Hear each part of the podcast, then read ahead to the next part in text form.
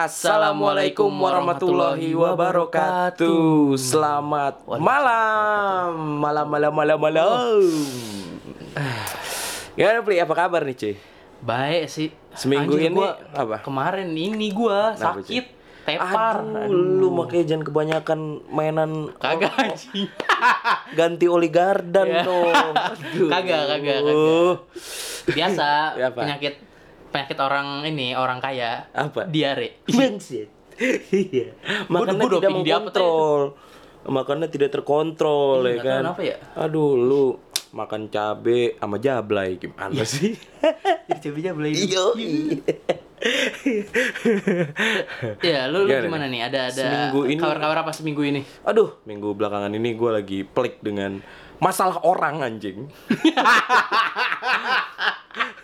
Anjing, gua tahu nih barusan dia cerita nih di warkop. Anjing. Pusing bangsat. Iya. ya, eh Eh, eh by the way tadi kita makan ransum enak ya? Oh iya cuy. Enak. Ya, hari ini gue bawa ransum Eh, dan kebetulan yang makan kita, apa gue berdua nih karena Iya, udah aduh. udah kebangetan lapar cuy. Enak banget, enak. Parah ta- jadi ransum ini ransumnya ransum TNI bukan yang po- polisi bukan yang Polri. Nah ini tuh yang kita cobain itu em, Rasa, rasa, nasi tim nasi ayam. tim ayam. Iya. Jadi tadi sebenarnya pas gue baru datang gue panasin dulu kayak chef ya kan. Iya. Padahal cuma ngaduk-ngaduk doang. Iya lah, langsung kontak dengan api. Iya. Yo, eh. Asik, Terus akhirnya kita nyobain, beuh, enak juga tuh cuy ternyata. Enak ternyata. Ke- Nah nanti, Agak salah ternyata. iya nggak salah. Gue pikir, eh tadinya pas gue buka tuh keras banget cuy. Tapi Iya. setelah gue coba panasin, gue aduk-aduk hingga merata, wah rasanya benar-benar keluar cuy. Mantap sih. Ah, enak sih. Keren keren keren. Padahal lu udah makan ya, biasanya tuh orang Iya. ketika udah makan dan nyobain makanan lain yang yang nggak enak, nggak enak akan ngerasa nggak enak. Iya. Ketika yang enak setelah makan Ya itu udah, lanjut enak terus. gitu enak Enak enak. Iya. Enak sih menurut gua.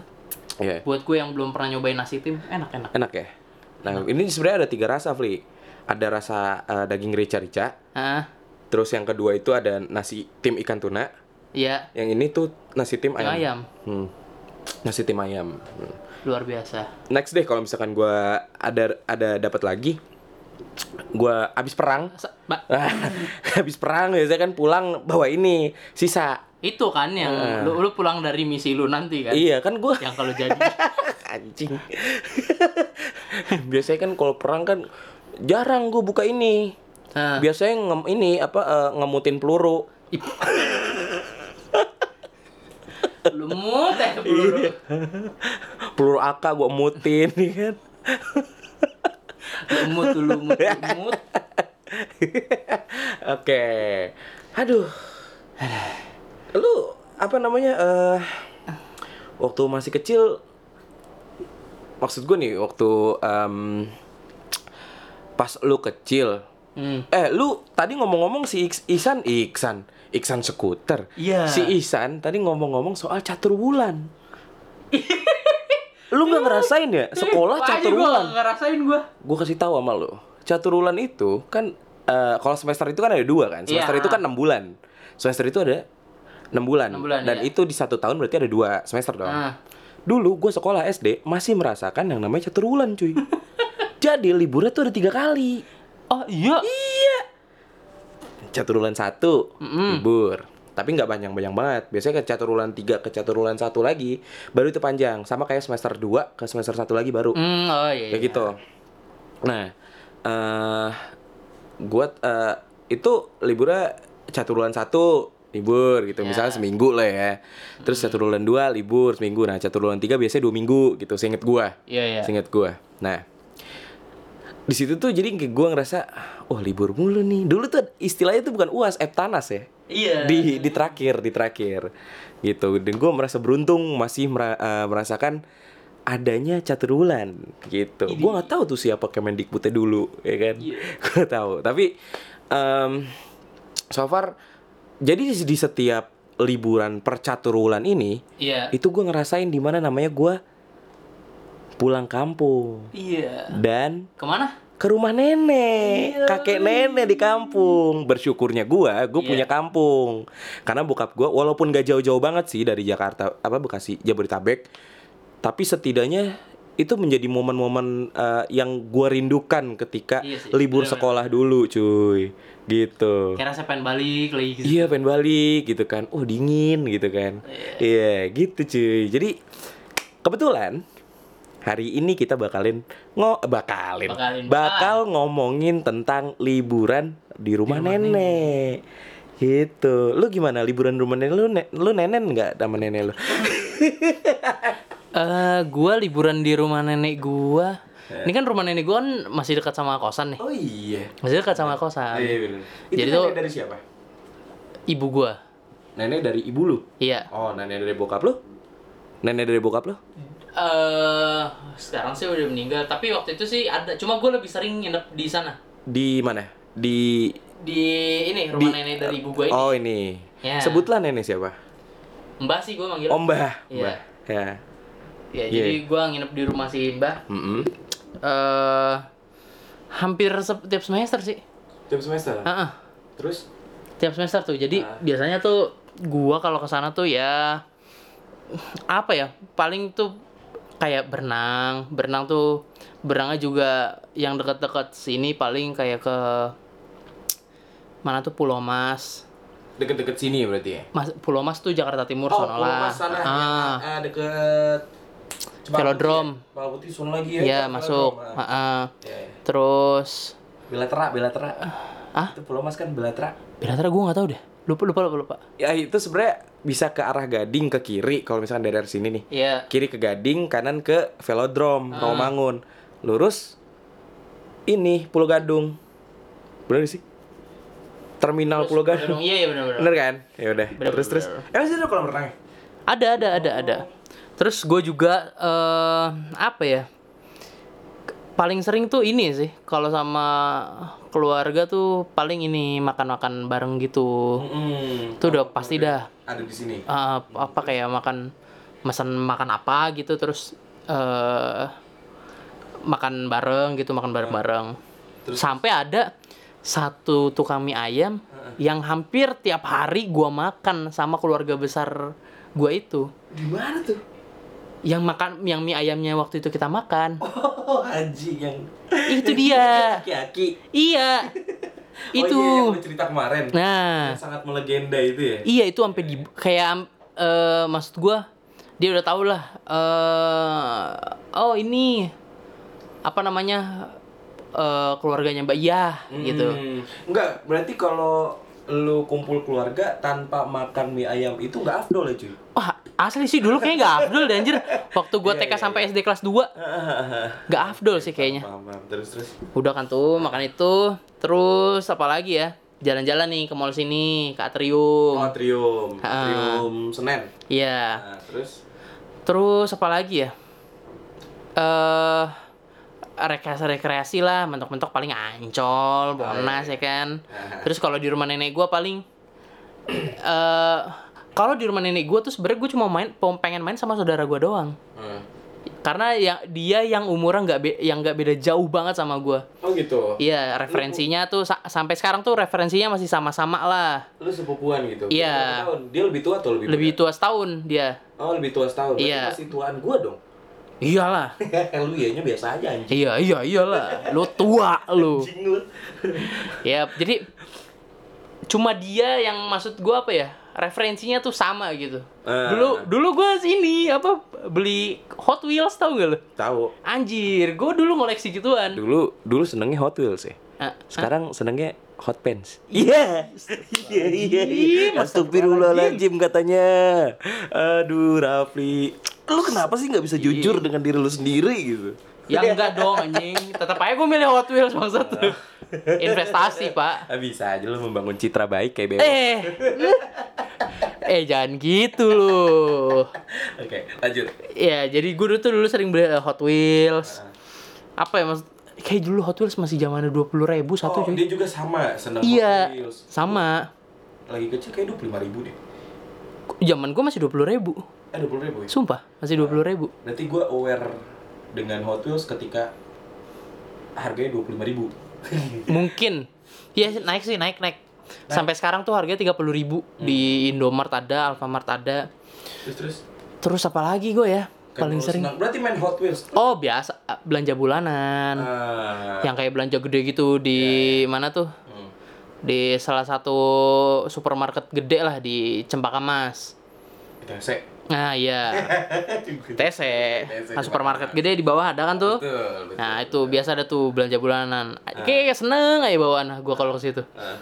Dan itu bersama nenek lo. Beberapa iya, cuma semakin tua dia jarang ikut. Oh gitu, capek. Iya jadi ya. lama-lama ya udah cuma gua eh bokap nyokap lo om lo gitu. iya gitu tak tahu sama bude gua, ibunya si sepupu gua ini. Terus Terus ya gitu-gitu aja sih.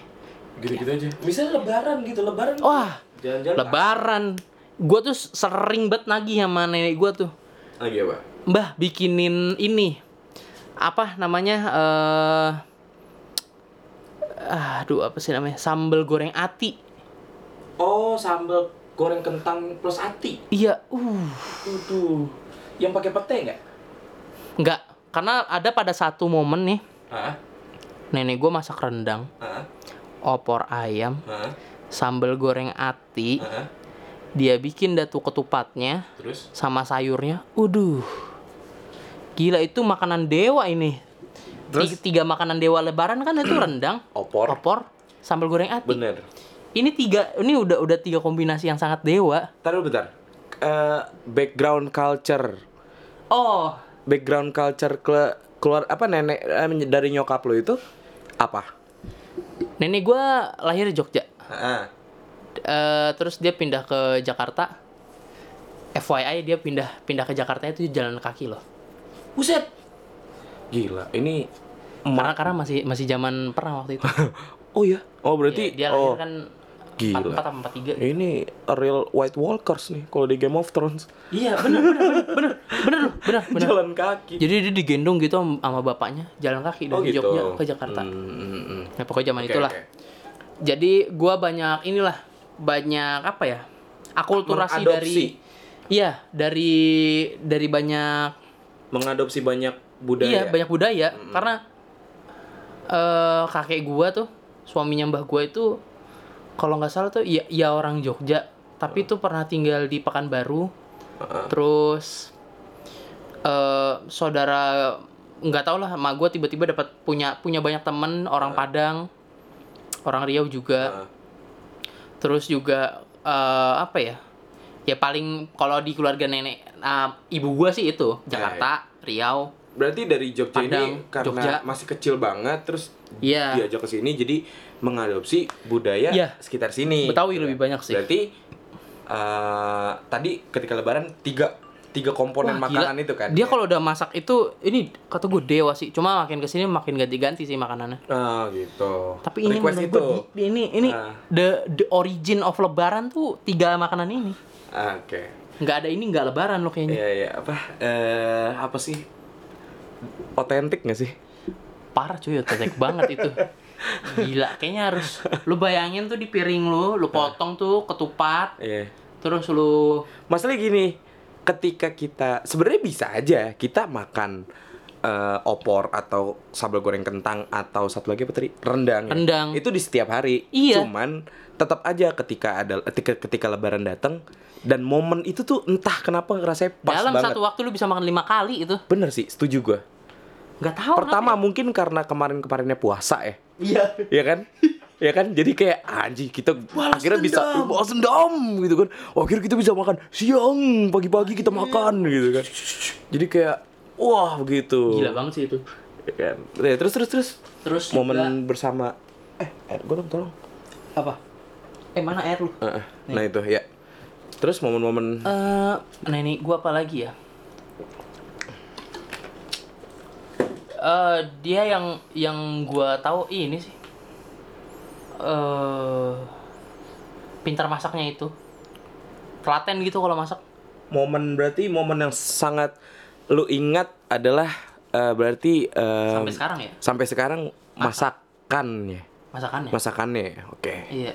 Kalau gue pengen tahu nih dari kita kan bener-bener berbeda budaya ya Iya. berbeda kultur background gitu latar belakang budaya itu beda gue tuh nyokap gue betawi bokap gue sunda Iya. Ih sama. Bokap gue juga Sunda. Oh, Bokap iya, gue iya. juga Betawi. oh iya iya benar Iya. tapi kan kayak sunda itu kan ada yang kasar ada yang halus Oh iya. ya kan lu Indra eh kuningan ya Cireb eh, Cirebon Kuningan ya? Haurgelis tuh Haurgelis tuh Cirebon. Iya kuning kuningan kuningan. kuningan ya Ya, itu kan karena dia di ujung dan perbatasan juga Iya. bahasanya berbeda kalau istilahnya kayak lu lebih kasar sedikit dibandingkan Iya, kalau nggak salah ya. Ah, ah. Lebih kasar gue. kalau gue tuh sun kalau bokap gue tuh Sunda yang ngomongnya tuh dari apa ya benar-benar halus banget gitu Kalau di gue Gitu. kasar ya. Kasar, Iya, agak kasar. kasar di gue. Mm-mm. Nah, nyokap gue Betawi. Nah, ini nih ada satu teman kita nih yang bernama mm, Bang apa Om Bewok ya kan? Iya. Iya kan? Wokski. Dia tuh dari Aceh.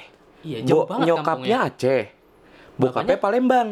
Uh. Nah, ini kita wah. kita the real darah Sumatera. real darah Sumatera. Heeh. Tapi dia besar di sini. Oh iya. Iya, cuman blood bloodnya, Bloodnya. bloodnya, D-. DNA-nya, biologicalnya, Iya. dia Sumatera Iya. gitu. Nah ya udah, Eh, mungkin kita bisa dengerin Iya nih. ah, apa eh, cerita kenangan dia bersama eh, neneknya. Eh apa? Kenangan dia di rumah Di rumah neneknya. neneknya. Ya betul. Yoi. Untuk malam ini gue bakal cerita tentang uh, pengalaman gue di rumah nenek. Jadi kan kalian zaman dulu ya kalau mau ngapa-ngapain bukan mau ngapa-ngapain sih, tapi lebih ke kalian kalau lagi liburan biasanya ke rumah nenek atau rumah kakek gitu kan atau ke rumah kakek nenek. nah, zaman gua dulu sekolah Uh, lebih tepatnya ketika gue SD karena gue rutin ke rumah kakek nenek gue itu ketika SD itu gue menghabiskan sisa masa sisa liburan. Jadi uh, ketika liburan itu gue kebanyakan di rumah kemudian sisanya itu gue habiskan di rumah kakek nenek gue memang nggak setiap catur bulan ya. Zaman dulu tuh gue masih ngerasain catur bulan itu sampai kelas 3 SD kalau nggak salah. Kemudian uh, di atas uh, kelas 3 SD tuh udah semesteran gitu. Nah jadi setiap kali liburan catur bulan sampai dengan semesteran itu seperti biasanya uh, di awal minggu itu menghabiskan waktu di rumah sama orang tua sama saudara sepupu-sepupu lah kita jalan-jalan ke mana gitu kan. Kemudian memasuki akhir bulan itu kita uh, sorry gua kumpul di rumah nenek biasanya sih kalau di rumah kakek nenek itu nggak pernah lama-lama ya. Kayak cuma tiga hari dua malam atau dua hari satu malam kayak gitu. Memang tujuannya untuk uh, nginep dan ya menghabiskan waktu aja. Tapi dari sekian banyak pengalaman gue nginep di rumah kakek nenek itu yang paling gue inget sampai sekarang adalah ketika gue uh, berbaur dengan sepupu-sepupu gue yang cewek-cewek. Jadi di keluarga bokap itu kebanyakan sepupu gue adalah perempuan. Kemudian ketika SD awal-awal gitu kelas 1 kelas 2 itu kalau liburan beberapa kali suka nginep di rumah nenek. Dan di rumah nenek gue itu ada dua keluarga yang di mana dua keluarga tersebut eh, menghasilkan beberapa sepupu untuk gue dan kebanyakan perempuan Nah, karena sepupu-sepupu gue ini perempuan dan gue laki-laki sendiri pada saat itu, mereka itu lebih ma apa cara main mereka itu lebih kayak perempuan gitu. Ya standarnya main perempuan lah ya. Saat itu main masak-masakan, main kutek-kutekan, pakai daun pacar tuh gue masih ngerasain gitu.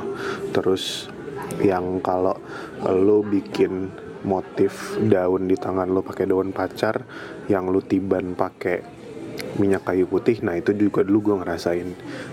Tiban tungguin ya semenit dua menit kemudian akan berbentuk itu warna kuning. Ya kuning kuning ya kuning kuning warna kuning pacar gitu. Nah setelah itu eh, biasanya karena gue adalah anak laki-laki dan nenek gue itu nggak pengen gue kemayu jadi setelah mereka main sama gue dengan caranya mereka, gue akan dibalikin nih main dengan mereka dengan caranya gue. Nenek gue itu memodalkan gue dua buah raket. Jadi setiap kali mereka selesai main um, sorry setiap kali mereka selesai main masak-masakan itu nenek gue langsung yang ayo coba sekarang gantian olahraga Isan nih pegang raketnya terus uh, ya karena gue paling kecil di situ ya gue panggil mbak atau kakak gitu kan nih ajarin adiknya gitu terus itu kita main bulu tangkis. Yang tadinya gue nggak bisa main bulu tangkis sampai dengan akhirnya gue bisa main bulu tangkis walaupun asal-asalan. Kemudian uh, karena lawan gue adalah kakak-kakak gue yang usianya jauh di atas gue jadi kayak ketika gue lawan teman-teman sepantaran saat itu tuh ya gue berasa paling jago gitu sih walaupun tidak diasah sih.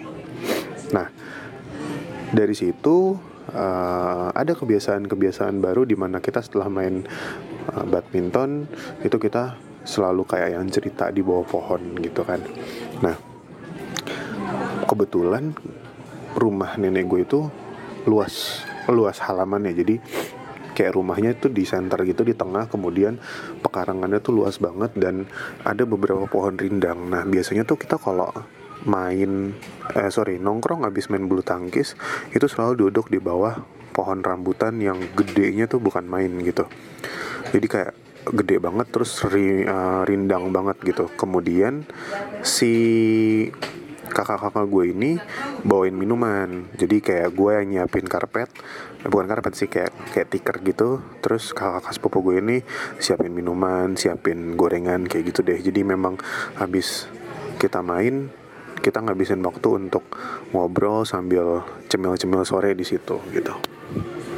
Satu ketika saat gue lagi ngerapihin tiker kakak-kakak gue ini ke dalam nih gak balik lagi. Terus gue masuk dong ke dalam ternyata mereka lagi masak spaghetti.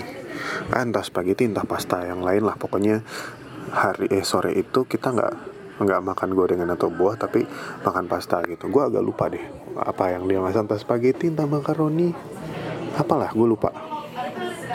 Kemudian setelah selesai uh, si kakak-kakak gue ini keluar terus ngajakin gue terus akhirnya kita kumpul di situ dan kita makan di situ kan. Kita lagi ketawa-tawa kita lagi enak-enak tiba-tiba ada satu kejadian di mana ngebuat kita semua langsung wah panik gitu kan. Jadi pas lagi asik-asik makan sebenarnya nggak asik makan juga sih. Kayak udah pengen habis gitu loh udah menjelang kenyang gitu. Kakak sepupu gue ini salah satu kakak sepupu gue ini uh, ada yang ngeliat ulet bulu. Itu gede banget jalan di lengannya kakak sepupu gue yang lain. Jadi kita tuh ada berempat. Gue cowok sendiri tiga kakak sepupu gue ini cewek. Nah, si kakak sepupu gue cewek yang pertama ini ngeliat ulet bulu tuh jalan di lengan kakak sepupu gue yang kedua dan itu gede banget. Itu gede banget. Terus kayak kakak sepupu gue ini yang cewek yang pertama ini kan kayak dia kan nggak takut sama apa pun ya. Dia cuma bilang gini, eh itu tuh ada ulet bulu gitu. Terus kakak sepupu gue yang kedua ini langsung oh mana mana mana? Panik gitu kan. Nah karena gue itu saat itu mungkin gue belum tahu istilah ulet bulu ya. Jadi gue kayak santai aja gitu. Terus dat apa namanya dipakein ranting diambil shoot pisahin satu gitu. Wah gila gede banget gitu nah saat itu tuh gue nggak memperhatikan ulet bulu tuh kayak gimana ya karena gue kayak asik masak makan aja nah setelah itu kakak sepupu gue yang pertama ini ngelihat lagi ada ulet bulu uh, nempel di rambut kakak sepupu gue yang ketiga Nah kakak sepupu gue yang ketiga ini paniknya tuh lebih panik daripada kakak sepupu gue yang kedua karena memang dia jijik sama ulet bulu gitu. Ketika dia sudah uh, ketahuan panik, terus kayak yang wah mana mana tolongin tolongin tolongin. Dah kelempar lah itu ulet bulu ke gue dan gue baru sadar kalau ulet bulu tuh ternyata jadi ulet bulu yang waktu itu gue lihat itu jenisnya ulet bulu serit. Yang pipih panjang terus bulunya tajam-tajam ya kan? Udah kelempar ke gue gue takut gue pikir adalah duri berjalan. Akhirnya gue panik gue lempar piringnya kemudian gue kabur bukan kabur yang kabur langsung lari gitu enggak tapi yang wah jingkrak jingkrakan gitu kan nah terus setelah selesai kayak gitu dibilangin sama kakak sepupu gue yang pertama udah jangan panik jangan panik coba sini duduk duduk duduk diambilin sama dia terus dibuang terus kita rapi rapihin terus kita pindah ke uh, tempat yang jauh dari pohon rambutan. Jadi kita memang tetap duduk-duduk di bawah pohon tapi jauh dari pohon rambutan.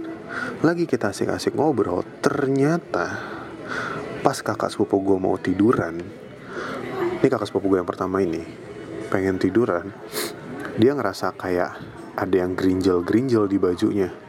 Pas dia nengok ke belakang nggak kelihatan ada apa-apa gitu kan. Dia tiduran lah. Setelah dia tiduran, akhirnya dia tengkurap. Nah kakak sepupu gue yang kedua itu ngelihat di belakang badannya dia banyak banget ulat bulu. Itu banyak banget. Itu ada mungkin 5 atau 6 ulat bulu gitu loh. Tapi yang udah gepeng ketindihan sama dia gitu. Jadi dia kayak nggak berasa. Nah sedangkan karena eh, kakak sepupu gue ini nggak mau bikin gue panik, jadi kayak yang dia berusaha untuk ambil ranting terus diawas-awasin gitu. Nah kakak sepupu gue yang pertama ini ngerasa badannya dicolek-colek pakai ranting sama kakak sepupu gue yang kedua. Ditanya dong, ngapain sih digituin? Gak enak tau geli. Iya enggak ini ada ulat bulu. Waktu kakak sepupu gue uh, sadar ternyata di belakang badannya dia adalah ulat bulu, dia kayak langsung yang setengah takut tapi ya gimana ya? Namanya juga orang pemberani gitu takutnya nggak akan dikasih lihat semuanya kayak gitu. Setelah itu dia berusaha tenang terus dia buka baju. Jadi pada saat itu uh, posisinya dia kayak pakai pakai tank top gitu di dalam apa di dalam dalamannya terus buka baju terus diliatin gitu kan dikebet. Wih gila dalam hati gue ini orang berani banget gitu. Nah, sampai pada akhirnya hal tersebut membuat gue takut sama ulat bulu. Ketika mau selesai semuanya menjelang maghrib kita lagi beres-beres itu gua angkat uh, tiker. Di bawah tiker yang gua angkat isinya ulet bulu banyak banget coy dan gue kaget dong kenapa ada ulet bulu sebanyak itu? Dan itu modelnya macam-macam yang gue ingat adalah ya si ulet bulu serit itu sama ulet bulu yang bulunya tuh kayak bulu anggora gitu loh yang banyak banget. Nah pas gue angkat kan gue kaget gue ngeliat kayak gitu wah gitu. Terus kenapa kenapa kenapa? kata sepupu gue ini ada ulat bulu banyak banget. Ya udah deh ayo kita cepetan beres-beres gitu. Udah saya beres-beres udah kita awas-awasin terus kemudian kita uh, masuk ke dalam rumah menjelang maghrib itu kita mandi kan. Nah rumah nenek gue itu kan lumayan gede dan ada beberapa kamar mandi. Akhirnya kita uh, mandinya tuh nggak perlu yang nunggu-nungguan jadi masing-masing mandi gitu. Pas gue lagi mandi karena gue pakai celana training panjang gue buka celana gue di dalam celana gue ada ulat bulu. Aduh itu adalah momen yang paling gak enak banget karena kenapa? Karena setelah gue buka celana, ulat bulunya nempel di kaki gue. Ya ampun, gelinya masih berasa sampai sekarang. Nah, gue panik di kamar mandi gue teriak-teriakan gue nangis akhirnya nenek gue buka pintu nenek gue ngebersihin ulat bulu itu dan jadilah ulat bulu tersebut membuat sekujur kaki gue bentol-bentol hal itu yang membuat gue sampai dengan sekarang takut sama ulat bulu bukan takut ya lebih kayak geli gitu loh. Bukan takut yang sampai yang iya gitu gitu. Enggak cuma geli aja gitu. Nah ini yang belum pernah gue ceritakan kepada siapa pun kecuali nggak ada juga sih. Ya baru gue buka di podcast ini. Jadi semoga cerita gue ini tidak bermanfaat tapi bisa menghibur kalian. Dan satu kuncinya adalah ketika kalian berada di bawah pohon yang harus kalian perhatikan pohon tersebut ada ulat bulu atau enggak kalau ada ulat bulu segera menyingkir karena ulat bulu itu lucu doang coy asli bahaya dia tuh ngeri kan ngeri kan ngeri lah ngeri lah ngapain lo pakai mikir ngeri lah Oh gitu. Menarik juga. Iya gila gila gila. gila, gila. Gua, kalau gua nih sekarang bagian gua dong. Tetap dia merasakan catur bulan juga ya? Betul, merasakan dong. Kan dia seangkatan anjing sama gua. Oh iya. Cuma di SD masih di Jakarta waktu itu. Oh. Nah, nah Sombong. sombong emang si anjing. Tapi nih yang gue tahu nih faktanya nih, si Isan Apa? itu SD-nya deket rumahnya Wiranto.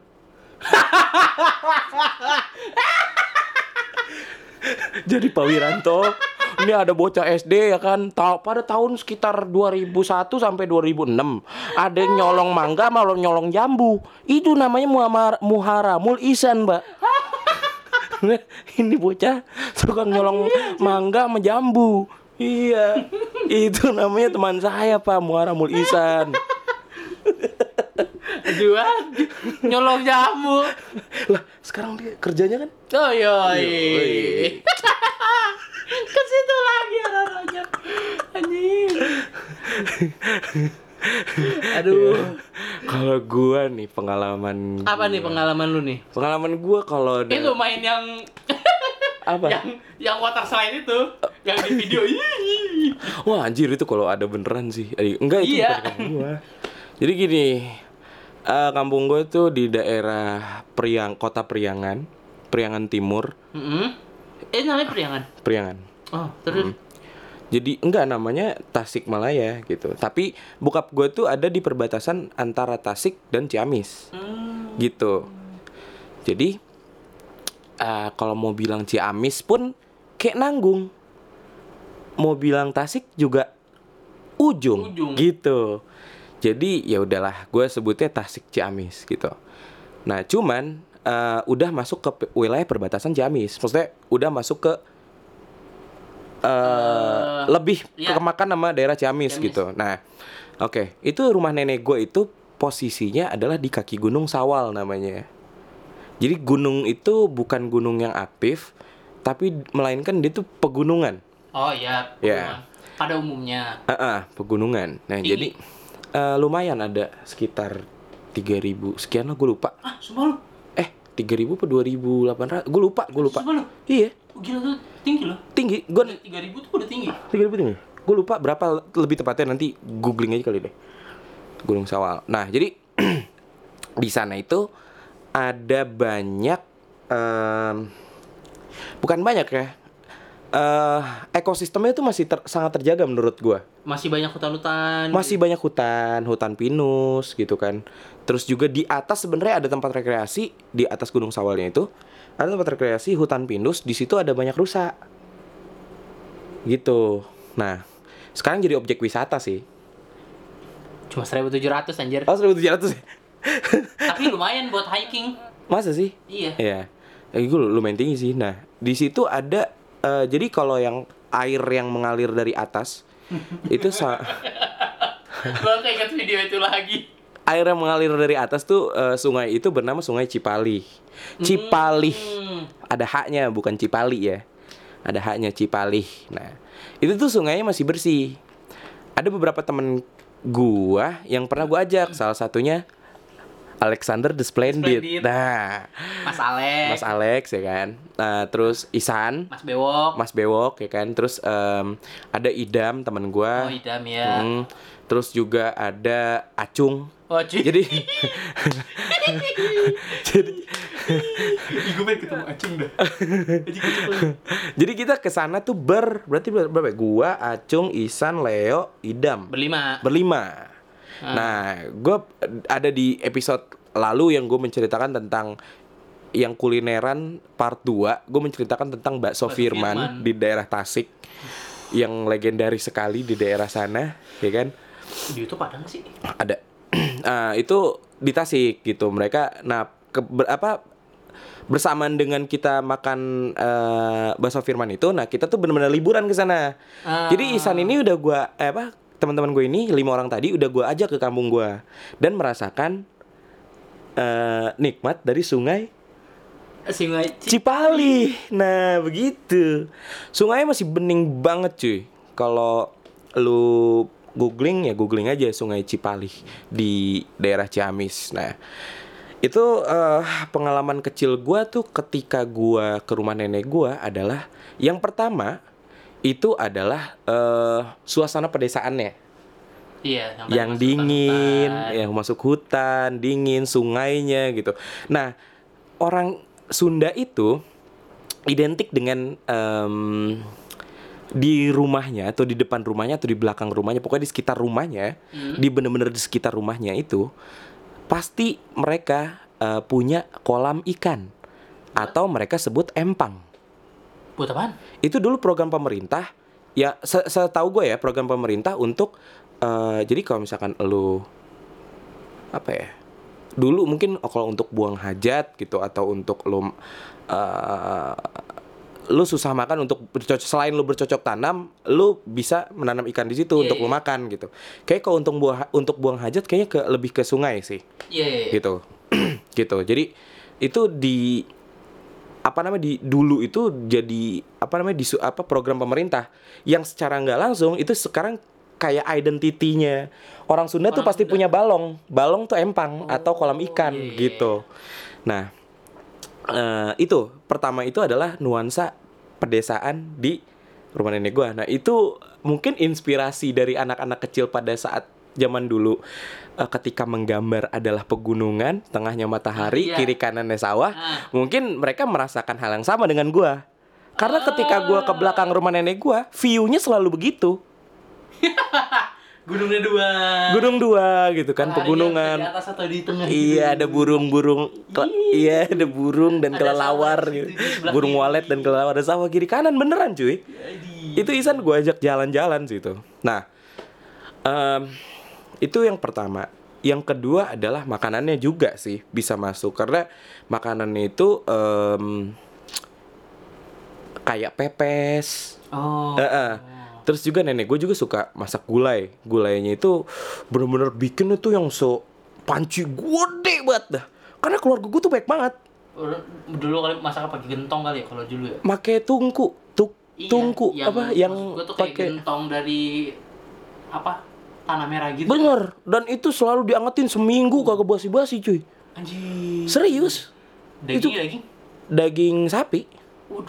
seminggu maksud gua tau gua nggak tahu lebay apa enggak ya maksudnya seinget gue kayak seminggu gue tetap makan opor itu gitu makan lagi makan lagi gitu ketupat itu sampai buset dah kayak pohon beringin Tinggal metik anjing. bener itu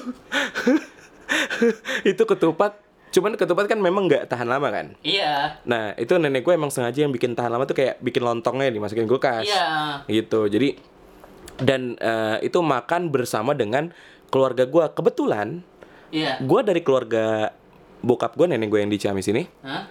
itu gua tuh nggak yang paling tertua Oh, Jadi- masih ada lagi. ada sepupu gua ada dua orang sepupu gua tuh eh, di atas gua umurnya tiga tahun dan dua tahun Iya. di atas gua gitu yang tiga tahun di atas gua itu cewek Heeh.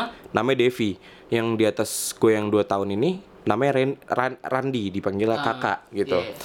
nah jadi kayak dan di bawah gue pun umurnya nggak jauh berbeda gitu Ah. nah Isan ini kenal sama saudara gue yang namanya Jaka gitu nah kita bener-bener di kemarin waktu pas ke sana tuh kita di bener-bener di guide sama mereka untuk ke sana kemari gitu nah salah satunya adalah eh, kakak Randi, terus eh, Jaka sama Hari namanya. Nah, jadi karena memang sepupu gue itu dekat, jadi kayak lu makan apa yuk? Kita makan yuk gitu, bareng-bareng iya, gitu.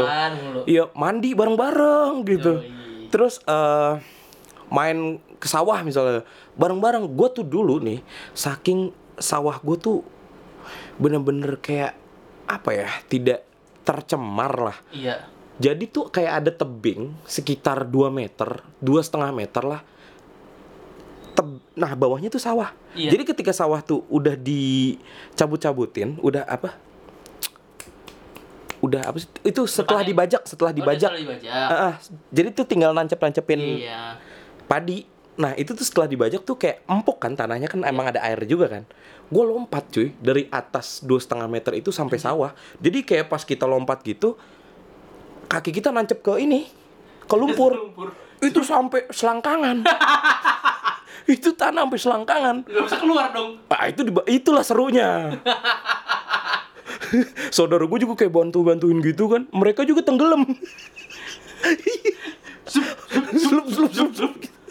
Enggak. Jadi, oh nanda dulu, nanda dulu bisa gitu. Gue kan eh itu sekitar SD kelas 6 tuh gue udah mulai gemuk, udah mulai gempal. cosplay jadi padinya. gue begini ya. Gue begini ya. Zup. Cosplay jadi padi aja. Sama begini nih. ada yang ada yang nyamping gitu ada yang Iya. Nah, terus saudara gue bantu-bantu itu tuh kayak dari atas pakai eh, batang singkong gitu. Oh, nariknya. Terus ada juga yang bantuin gue naikin turun juga kan ke bawah. Anjing seru banget sih itu. Sumpah itu momen-momen yang dah pas gue injek gitu. Oh batu kali. Jadi di bawah itu ada batu kali. Oh. Batu kali yang koral. Ah. Yang hitam-hitam itu. Nah itu pas gue blok gitu. Karena kalau misalkan di sawah-sawah di perkotaan ya, ketika lu nginjak sawah kan ngeri banyak beling, Oh, banyak iya, duri-duri apa. Nah ini tuh bener-bener ekosistemnya tuh masih bener-bener apa ya terjaga banget gitu. Bahkan air yang untuk di untuk pengairannya itu aja air sungai yang benar-benar dari Gunung Sawal itu gitu. Hmm, iya. Nah itu yang poin kedua bermain bersama saudara-saudara gua gitu. Yoi. Terus yang ketiga adalah eh, pergi ke hutan dan berkebun. Hmm. Jadi gini, eh bokap gue tuh punya lahan Ah, tanah iya. dan itu di mana biasanya sebelum kita pulang kampung untuk berlibur, ada cucu-cucu ini suka pada kompak gitu. Iya. Nah dulu eh, buat berlibur kita bakal ngasih tahu gitu, nge-planning gitu. Bakal kita eh, Nek, kita kayaknya pulang eh apa ke Ciamis nih gitu. Sama Iya. siapa aja ini, ini, ini gitu. Ya udah terus akhirnya dia tanamin kacang dulu cuy beberapa bulan sebelum itu. Oh. Jadi kita selama dua minggu itu kita nyiramin, setelah itu kita cabut. Itu istilah kata bahasa Sunda tuh nyebor. Nyebor tuh maksudnya kita menyiram. Menyiram. Heeh. Ah. Itu jadi kita ke ke ke lumayan jauh kita menyeberangi sawah itu dulu. Ah. Nah, baru di ujung sawah itu seperti ada hutan gitu. Nah, kita masuk. Nah, di tengah hutan itu banyak ladang gitu. Nah, kebetulan ada memang orang yang mengurus Oh. ngurusin pohon duren, pohon mahoni, Iya. pohon kelapa gitu. Jadi setiap minggu, eh, setiap bulannya, apalagi ketika gue pulang kampung itu memang suka disediain kelapa muda, Waduh. gitu, Huh, mantap. gitu. Terus yang ke poin yang ketiga nih, yang paling unik nih. Keempat dong. Eh keempat ya? Iya. Oke keempat. Yang paling unik nih di kampung gue itu karena banyaknya empang, ya kan? Karena banyaknya sungai. Jadi gini, sungai itu kan satu apa sih? Hulu. Iya, ke hulu bakal ke hulu yang bakal ke sama. hulu satu itu kan satu kan maksudnya yang bakal ke hulu itu sungai yang memang besarnya Iya. gitu. Nah, Cipalih ini menga- eh, sebenarnya itu dia adalah sub sungai Anak sungai. anak sungai anak sungai yang memang dia dari gunung bakal ngalir ke Citanduy Hmm. Citanduy itu kali yang besar keruh yang bener-bener dia tuh bukan kali dia tuh yang mengalir deras lah gitu Iya. nah Cipali ini mengalir ke Citanduy nah yang uniknya adalah karena eh mungkin di sana entah kenapa ya sekarang tuh udah nggak ada dan gue sangat menyesali itu gitu Apa tuh? jamban gini orang orang sebenarnya setiap rumah di sana punya masing-masing WC sendiri. Iya. tapi entah kenapa mungkin menjaga eh, bukan menjaga me- me- me- apa ya melestarikan budaya boker di jamban itu sih yang unik. Karena lu gimana ya, orang kota maksudnya lu hidup di kota gitu yang lu WC aja udah duduk gitu. Ke- eh, atau lu WC udah ada yang tengkurap gak sih sekarang? Oh, udah ada yang nyebokin sendiri ya Ada, ada, ada. Tapi kan pakai air. Pakai air. Iya iya, benar-benar. Nah, maksudnya ketika melihat itu pada saat itu gue ngerasa kok jijik banget sih. Tapi tapi harus lu bukan jijik sih lebih tepatnya kayak aduh gue ketika boker situ eh tak tokai gue mau keluar nggak ya gitu gitu kan nah dia gini nih eh gini pas gue ngeliat itu tuh kayak bersih tempatnya sumpah demi allah tuh bersih jadi kayu dibikin bambu bambu bambu gitu jadi tuh dibikinnya bukan pakai terpal jambannya Hmm. dan itu dibikin sumpah bersih banget Iya, Bersih. paham, paham. Nah, jadi itu di dialirkan ke pengairan yang mengarah ke sawah. Aduh, dan gue gue tuh selalu kayak aduh, gue tuh selalu minta temenin sama saudara-saudara gue jujur. Karena malu, nggak Ya nggak biasa. nggak biasa gitu. Dan dan airnya itu memang air dari Cipalih, cuy. Yang air masih bersih banget Ah, gitu jadi ceboknya pakai itu jadi di Jamban itu ada air yang mengalir Hah? dari Cipali ngebuangnya ke pengairan eh, apa sungai apa kecil apa tadi Anak sungai. anak sungai yang untuk di dikhususkan untuk mengairkan sawah-sawah gitu. Iya. Jadi pas gue boker gitu ya pertama kalinya nih. Aduh, gue bismillah dulu nggak ya? Bismillah dah. Brut gitu kan. Plung plung plung plung plung gitu kan. Ini mohon maaf yang dengerin pas lagi makan. Karena ini momen yang benar-benar apa ya? eh unique value dalam hidup gua gitu ketika eh ya menjadi salah satu yang unik ketika dan ini sangat membekas sekali di benak gua dari kecil gitu. Eh. Menemukan jamban tempat lu boker di tempat umum gitu kan. Di tempat yang terbuka, sorry. Yang tidak beratap gitu, kayak boker uh, gitu kan. Ada beberapa yang di sungai, ada beberapa yang di balong. Di empang. Oh iya di Empang. Itu yang di empang ini, yang di kolam ikan ini, yang lebih experience itu lebih menantang. Kenapa? Bawahnya ikan. Bawahnya ikan. Jadi, oh, wow, ikan tuh udah kayak udah siap-siap gitu, cuy. Dari bawah tuh udah, habis, habis, habis. Waduh. Enggak nih, kayak biasanya tuh eh, gini, biasanya kan orang kalau perjalanan jauh tuh suka kentut mulu, Hmm. kan masuk angin, pas boker kayak anjing tanya bu banget gitu kan. Iya. Nah ini ikan nih, gue ngebayangin nih kayak kayak gue ngebayangin nih ikan nih. Wah ada orang nih pengen berak nih, kan udah di keker kan udah nih. Pas tainya jatuh ya kan ke kolam ikan, pas dimakan, anjing ini bau bekasi, bau bau sini gitu anjing.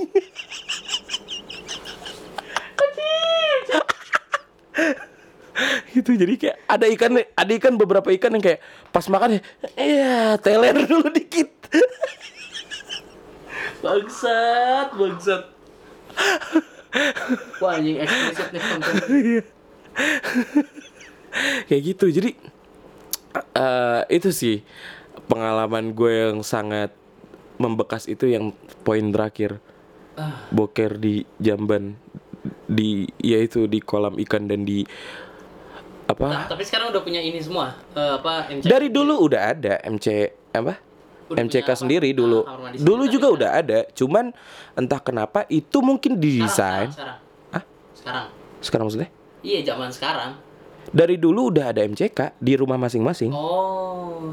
Cuman entah kenapa mungkin itu didesain untuk para petani Yang kepepet. yang kepepet karena dari jarak dari sawah ke rumah lumayan jauh. Lumayan jauh. Lumayan jauh. Hmm. Jadi tuh ketika ya kan tadi gue bilang, ketika gua menuju ke eh, kebun gua itu harus kita jalan lewat sawah sekitar 1 atau sampai 2 km.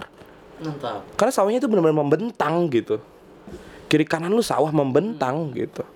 Jadi mungkin itu didesain emang untuk para petani atau eh, orang yang eh, apa namanya menggembala hewan, Hewan, sapi, iya. kambing dan juga orang yang berkebun gitu. Ketika dia kepepet dibikin apa boker di situ gitu. Yang secara tidak sengaja ketika gue menjumpai terhi apa zaman tersebut ya gue penasaran akhirnya gue coba gitu gue kan lelaki experiences Alah. Dan rasanya udah gitu aja ya. apanya Rasanya udah gitu aja. iya lebih plong sih gue menurut gue lebih plong asli iya gue ngerasa aduh awalnya tuh kayak ngerasa aduh masih ada yang tertinggal gitu. Gue boker lagi deh di rumah gitu kan. Tapi, eh, semakin ke sini gue ngerasa semakin kayak wah anjir menag nagih lu sumpah. Dan lu harus tahu ini gue tidak melebih-lebihkan bahwa bersih gitu. Karena bener-bener dialirkan air untuk ceboknya itu dari sungai Cipali. Heeh. Cipali adalah tempat di mana Ihsan hanyut seperti kedebong pisang. Setelah hanyut, dia menempel pada batu, ya kan seperti kodok bangkong, ya kan? kodok suike. Lah bocah tolol itu lagi ke sono ya. Nah, kamu gua, "Nan, nan, main hanyut-hanyutan yuk." Oh iya, iya, terus. Ngajakinnya nggak lucu banget sih bangsat. Oh, ngomong Main hanyut-hanyut bukan sembarangan, emang ngajakin. Emang ngajakin, ngajakin gue main hanyut-hanyutan yuk. Terus akhirnya dia hanyut beneran. Saja ngomongnya juga sembarangan bocah. Di, disangka kampungnya dia sendiri. bukan begitu. Emang jadi tuh eh, saudara gue tuh hanyut tapi nggak sengaja. Gitu kepleset hanyut gitu. Terus dia kayak ngeliat ih kayaknya seru nih hanyut hanyutan gitu. Ngajakin gua nan hanyut hanyutan yuk. Lu nggak usah ngajakin gue dulu gue udah sering hanyut. Dan sering ke itu batu kan? Iya. nggak usah ngajakin gue anjing. Terus ya udah lu aja lu duluan gue bilang dia gitu. nyoba. lu nyoba hanyut kayak kada bohong pisang diem begini diri. Kesenggol batu aduh aduh gitu. Uh, untungnya dia nempel di salah satu batu koral yang lumayan besar gitu. ya. iya.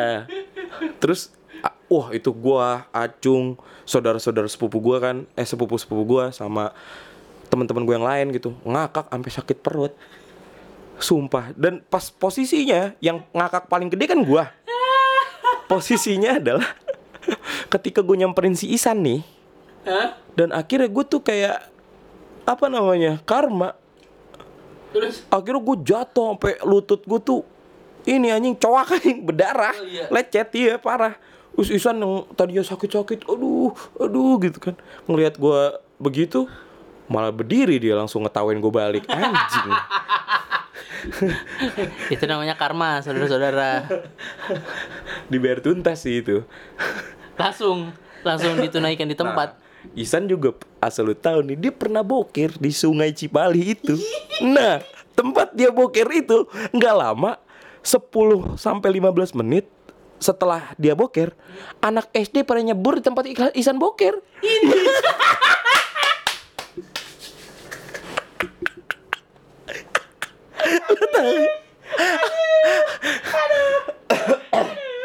Gua nggak ngebayangin itu anak SD menciprat-cipratan ada yang masuk ke mulut.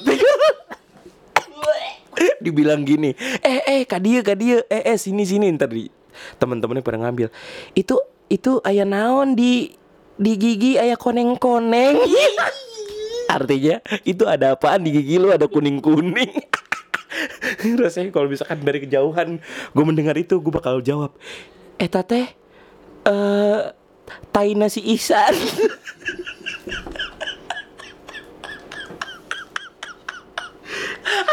Gua bodoh amat sih. Maksud gua itu sungainya bodoh amat bokeh. Bangsat si bewok Itu kayaknya disumpahin sama bocah Makanya dia hanyut